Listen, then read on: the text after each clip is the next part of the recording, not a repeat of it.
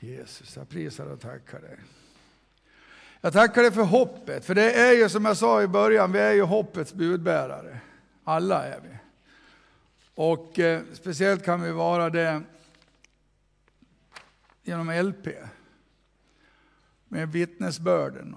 För vi vet att det finns, det är som eh, du sa i början, du, du där att eh, den radikala omvändelsen som man får när man missbrukar. Man brukar ju skämta och säga att det mest framträdande sinnet alltså hos en människa, det är ju vansinnet. Det märks alltså, när någon gapar och skriker på torget och det blir sånt ras. Även fast vi inte har kanske hållit på att super och missbruka på det sättet. Jag har ju sett, de har ju kommit sådana där, vet där smartphones. Så trycker man på en knapp så har man en sån där roulette-snurra eller du har en enarmad bandit i telefonen så du kan blåsa pengarna på vägen till jobbet så att du får en motivering att arbeta. Nej men jag menar, det tar, det tar inte dig närmare Gud. Utan det är ju då syndens fattigdom som har gjort att det blir tråkigt i ditt liv, att du måste ha en kick på ett annat sätt. Du måste ha en kick så, eller du måste ha en kick att du kanske vinner 50 spänn när du förlorar i långa loppet flera hundra. Och när man kommer till sådana saker, det är sex, allt saker som synd, när man saknar, när man förlorar den där rikedomen från frälsningen och, och Gud, då kommer ju syndens fattigdom in, då börjar det bli substitut. Då kanske man ska ha lite vin, för att vi har ju stark vin i kyrkan till exempel. Då kan vi ha vin hemma och så börjar det rulla på sådär. Och för, att, för missbrukare är det ingenting att snacka som att man har lite vin till maten. För att eh, så någon frågar, vill du ha ett glas vin? Nej, men ge mig två kassar öl, en 75 och två gram amfetamin och tre gram hash och sen en påse med, med, med Rohypnol. Då kan jag börja fundera på det. För det är dit jag vill komma i min effekt. För så mycket måste jag ha för att hålla bort alla tillkortakommanden. Alla eländiga saker som jag ställer till i mitt liv. Och det, där, det är liksom motorn i det. Och då, är man, då lever man, då har man inte ett hopp kvar, utan man har bara enda drivkraften är att få drogerna för, och, eh, för att kunna underhålla det där och hålla hoppet borta. Men när man får höra Guds ord, jag vet ju själv när jag, när jag, när jag fick komma på ett LP-möte, för att de som stod med oss dit och sa att eh, det är sådana som ni som har möte, då börjar det hända någonting här. Sådana som vi som har ett möte, då kommer det ett hopp. Och hopp då, jag slår upp ordet hopp. För. Hopp, nästa förklaring, det är tro. Hopp, det är tro på en förbättring. Och hoppas är en vilja att något ska ske, särskilt om omständigheterna, faktorerna är så svåra att man svårligen eller inte alls kan råda över dem. Och hopplösheten vill ta över och vinna med förödande konsekvenser i livet. En väldigt bra förklaring, för hopp finns det liksom inte, går över direkt i en tro på en förbättring. Och när man fick höra så, är det sådana som jag som ska ha ett möte, släpper de in sådana i kyrkan? Och får de ha ett möte, så jag fick ju komma på det mötet då. Jag fick ju komma dit, de tog just dit vänner som hade, vi fick höra när de sjöng.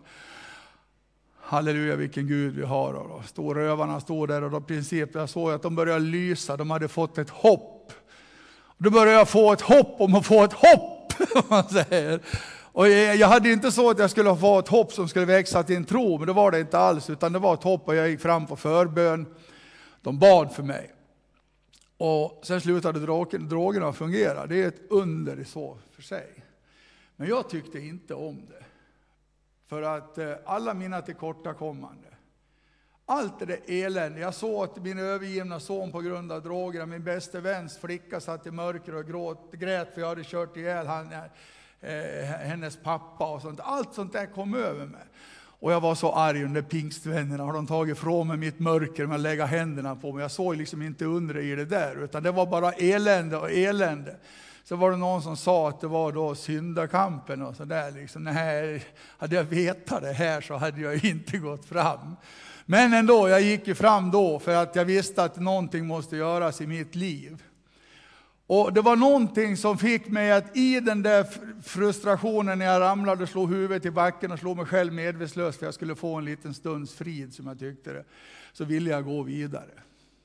Jag ville gå i det där eländet. Jag gick flera månader och fick komma in på behandling och vart frälst. Och jag fick börja lära känna Gud. Och jag tänker på, som jag sa i början, att vi sjunger lockrop. Och sjunger, sjunger vet du, då, hymner och lovsång till Gud. Och när det börjar gå upp för mig, när jag läser i vi säger att man började först treenigheten, det var sådana problem för mig liksom, att få ihop det där. De förklarar men du kan vara både mor, eller du kan vara både far till din son och du kan vara son till din far. Och det där liksom, jag fattar inte vad det är frågan Men jag började läsa och jag fick se att när Gud, för att det gick ju på hur, tålamodets tid som vi lever i. Gud har ett underbart tålamod och vill det absolut bästa för oss. När man läser om gamla testamentet, när Gud kommer och bor bland människorna i tabernaket, talar till människorna, skriver lagen på, i sten så vi ska förstå att vi kan inte leva efter de här två tavlorna. Vi måste ha nåden från Gud. Fattar ni det? Det här kan ni inte göra. Men, och, och, och vi har platser och vi har namn och olika saker på, som Herren har gjort. Då och tempel och allt sånt där. Att Fadern i då Gamla Testamentet, vi går över till Nya Testamentet då, den andra gudomligheten, när Gud sätter i människan, för att vi ska fatta det här. Ni fattar inte allt jag skriver, sagt och gjort och sådär och ändå går, funkar det inte. Då får ni ta min son som ska förklara för er hur ni ska göra. Och då kommer vi in i den andra gudomligheten, då när Jesus säger och berättar, vi får ordet skrivet och nedskrivet och, och allt som han säger. Och sen när han, ja, det slutar vid den öppna graven. Då har vi slut på kontakt med människa, människa så vi har inga platser längre efter, efter då graven. När de frågar varför letar ni efter han, han är inte här. Och då går vi in i den nya fasen som vi lever i nu, när han säger att han ska skicka hjälparen. Och då kommer Guds ande som ska tala om för oss hela tiden vad Gud vill med oss. Den nåd han har satt upp. Jag tänker när, när man tänker på profeten, eh, profeten Jesaja. Då.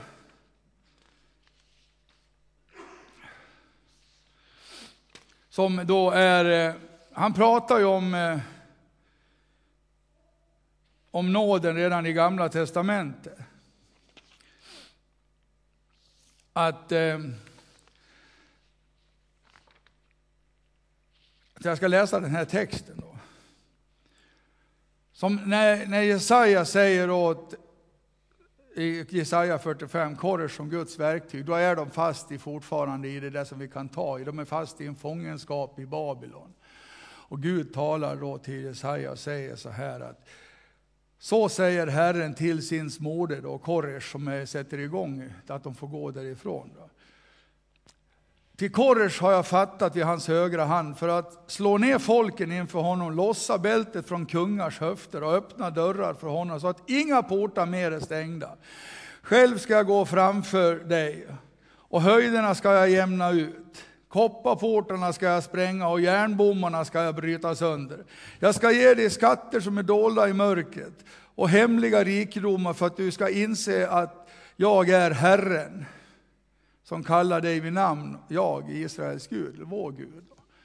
Och vi tänker på då, vi pratar om Jenny och Tevvo här och alltihopa det där, att saker som aldrig skulle ha kunnat skett vanligt, skett på ett vanligt sätt. Det var alltså bommar och det var portar och, och det är de dolda skatterna i mörkret som han vill ge oss. Att han vill ge försoningen med Jenny och hennes son. Det kommer fram då i det där, det blir ett hopp då. Och sen om vi säger att, eh, att eh, profeten Jesaja, då, han blir en evangelist. Han talar ju om försoningen.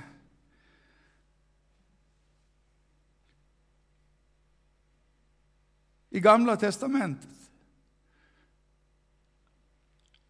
Så det blir liksom en båge bara, från Gamla Testamentet. Rättfärdighetens sol då, som bara landar i Jesus. Om vi tänker situationen när, när kvinnan ska stenas. Det bara kommer ner dit. För att fariseerna, det flyger över alltså de där 400 åren när,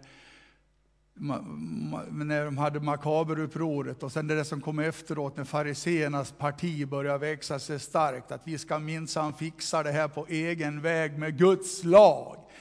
Vi behöver inte nåden från Herren, utan vi fixar det här med lagen. Tio, vi hittar på 4 000 till så vi verkligen täcker upp det.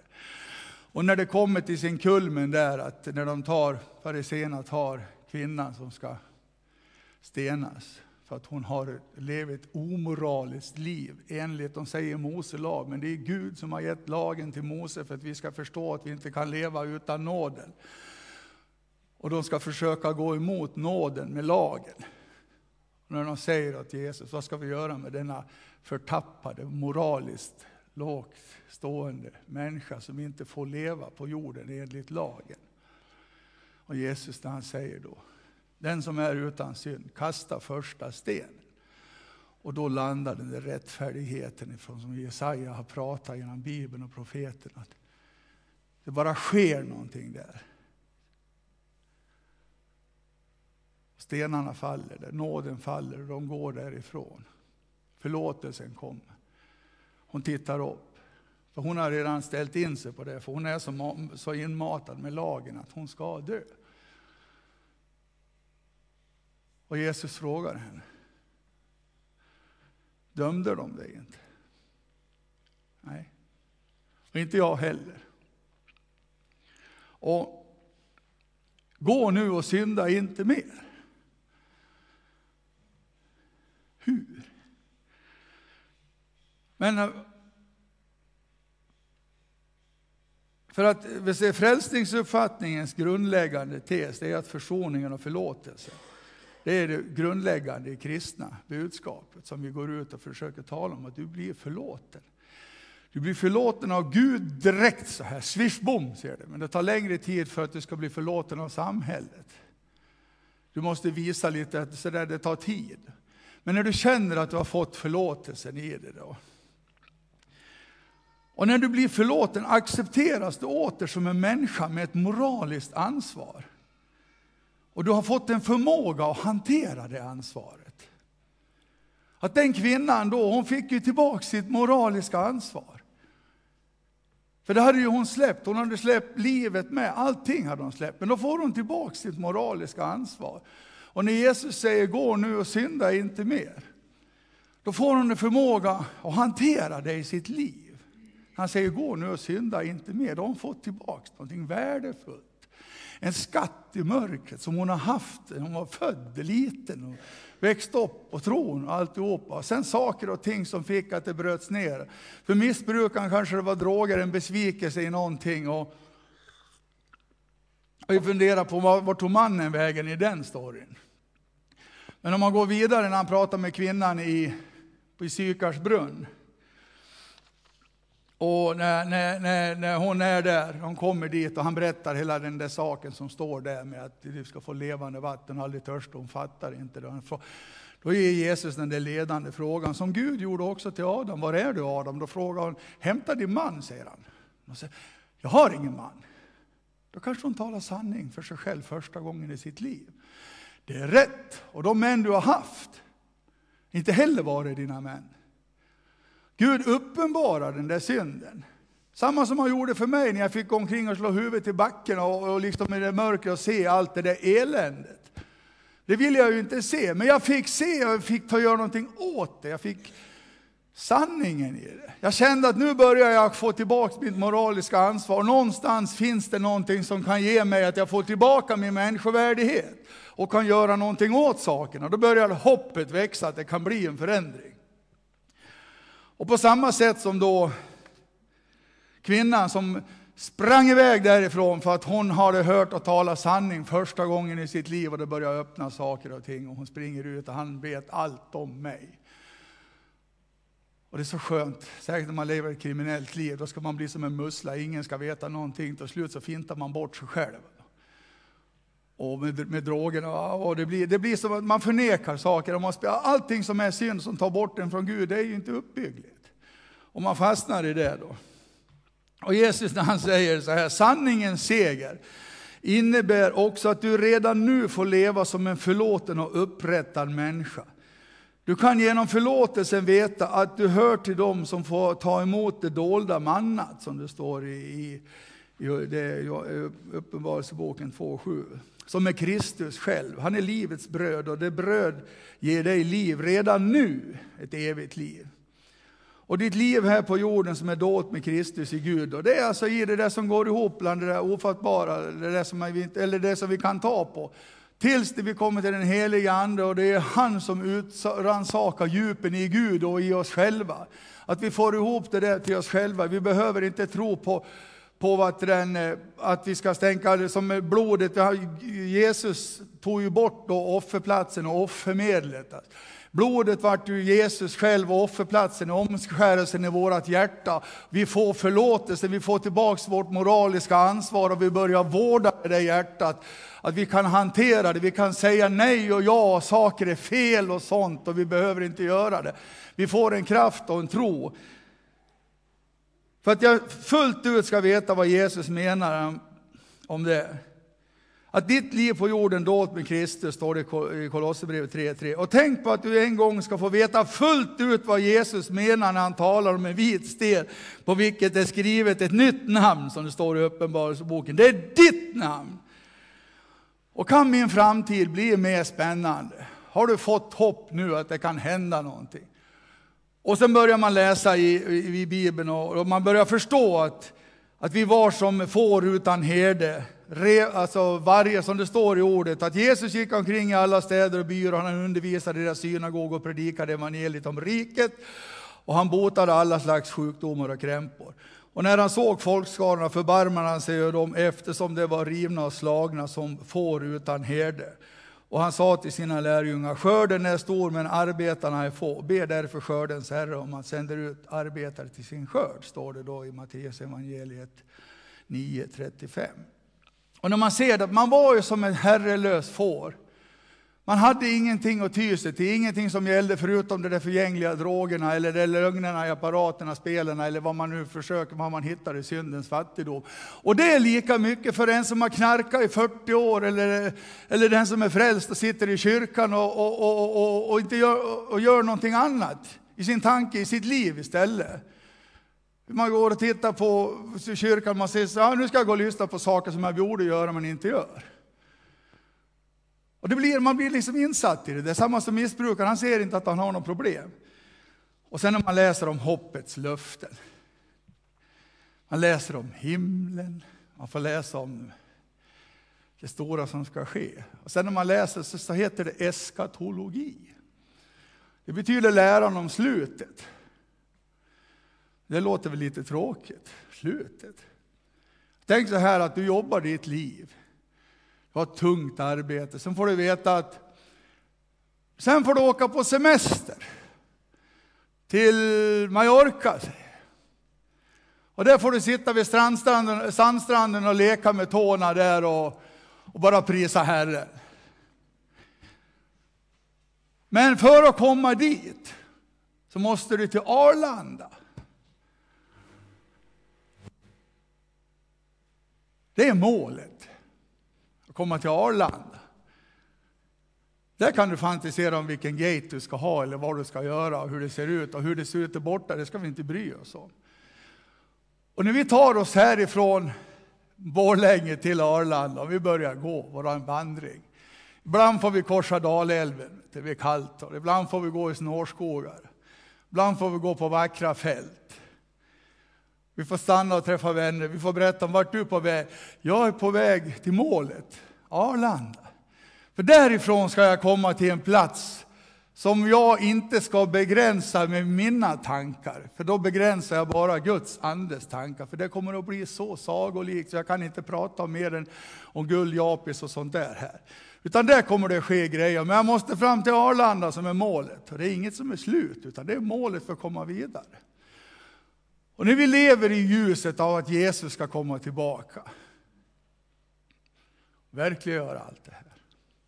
Att vår hopp ska infrias. Så att under tiden då så sjunger man lovsång. För då vet man vem Gud är. Han har tagit mig ifrån det där.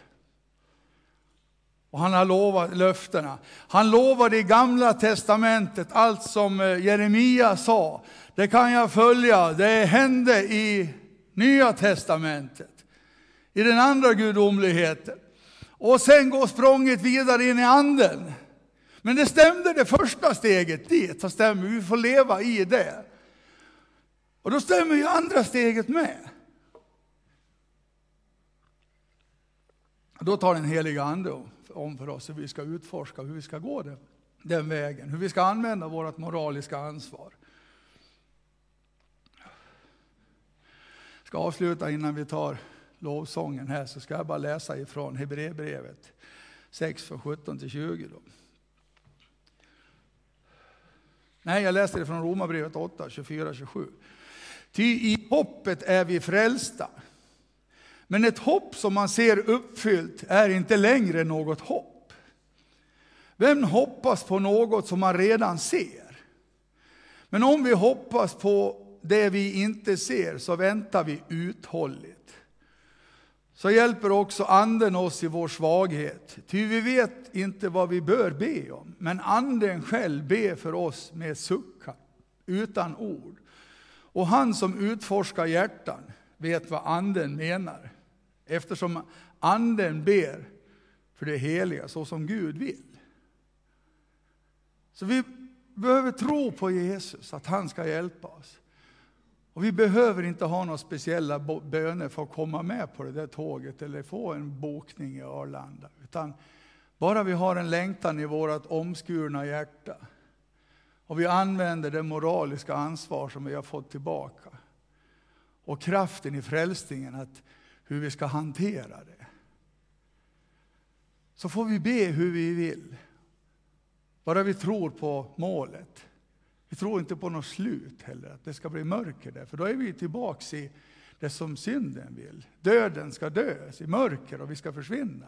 Utan vi ska inte vara i slutet, vi ska ju bara komma fram till någonting nytt som ska ta oss med oss in i den fjärde saken som händer då, när vi får samlas i alltihopa.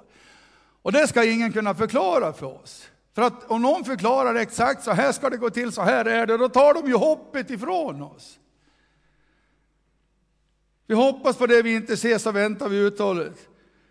Vem hoppas på något som man redan ser?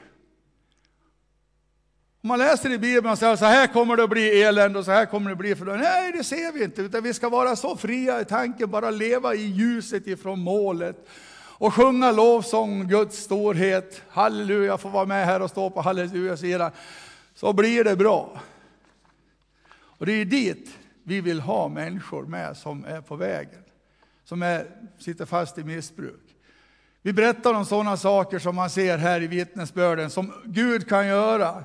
Sådana underbara hopkopplingar, hopplösa fall reser sig upp och får tillbaka sitt ansvar och kunna leva. Men det är inte där, vi ska inte stanna där. Vi ska inte stanna och bara vara, vara LP-frälsta och sen bara fortsätta och, och så, utan vi ska leva i det stora hoppet som vi ska komma fram till. Jesus, jag prisar och tackar dig. Jag tackar dig för det hopp som du har satt i våra hjärtan. Jag tackar dig för den lovsång som vi får, vi får lyfta upp till dig. Att vi är här, vi väntar. Halleluja, jag prisar och tackar dig för att vi får vara arbetare. När vi inte har något direkt så är vi arbetare utan sysslor och du bara skördens Herre, du bara sänder oss. Du sänder oss allihopa här. Vi kan alla bidra på något sätt, en sång, en bön, en samtanke vad som helst, vad vi har efter vår förmåga. Vi ska inte göra saker som vi själv bestämmer. Att nu ska vi inte gå ner till missbrukarna i parken och slå dem i Bibeln, för då slår de tillbaka. Utan vi ska bara med Guds ande och tålamod, med det moraliska ansvaret vi har, att när tillfälle ges, då ska vi vara beredda. Jag prisar och tackar och under tiden får vi lova dig Herre, i sång och gärningar, i ditt underbara namn. Amen. Halleluja.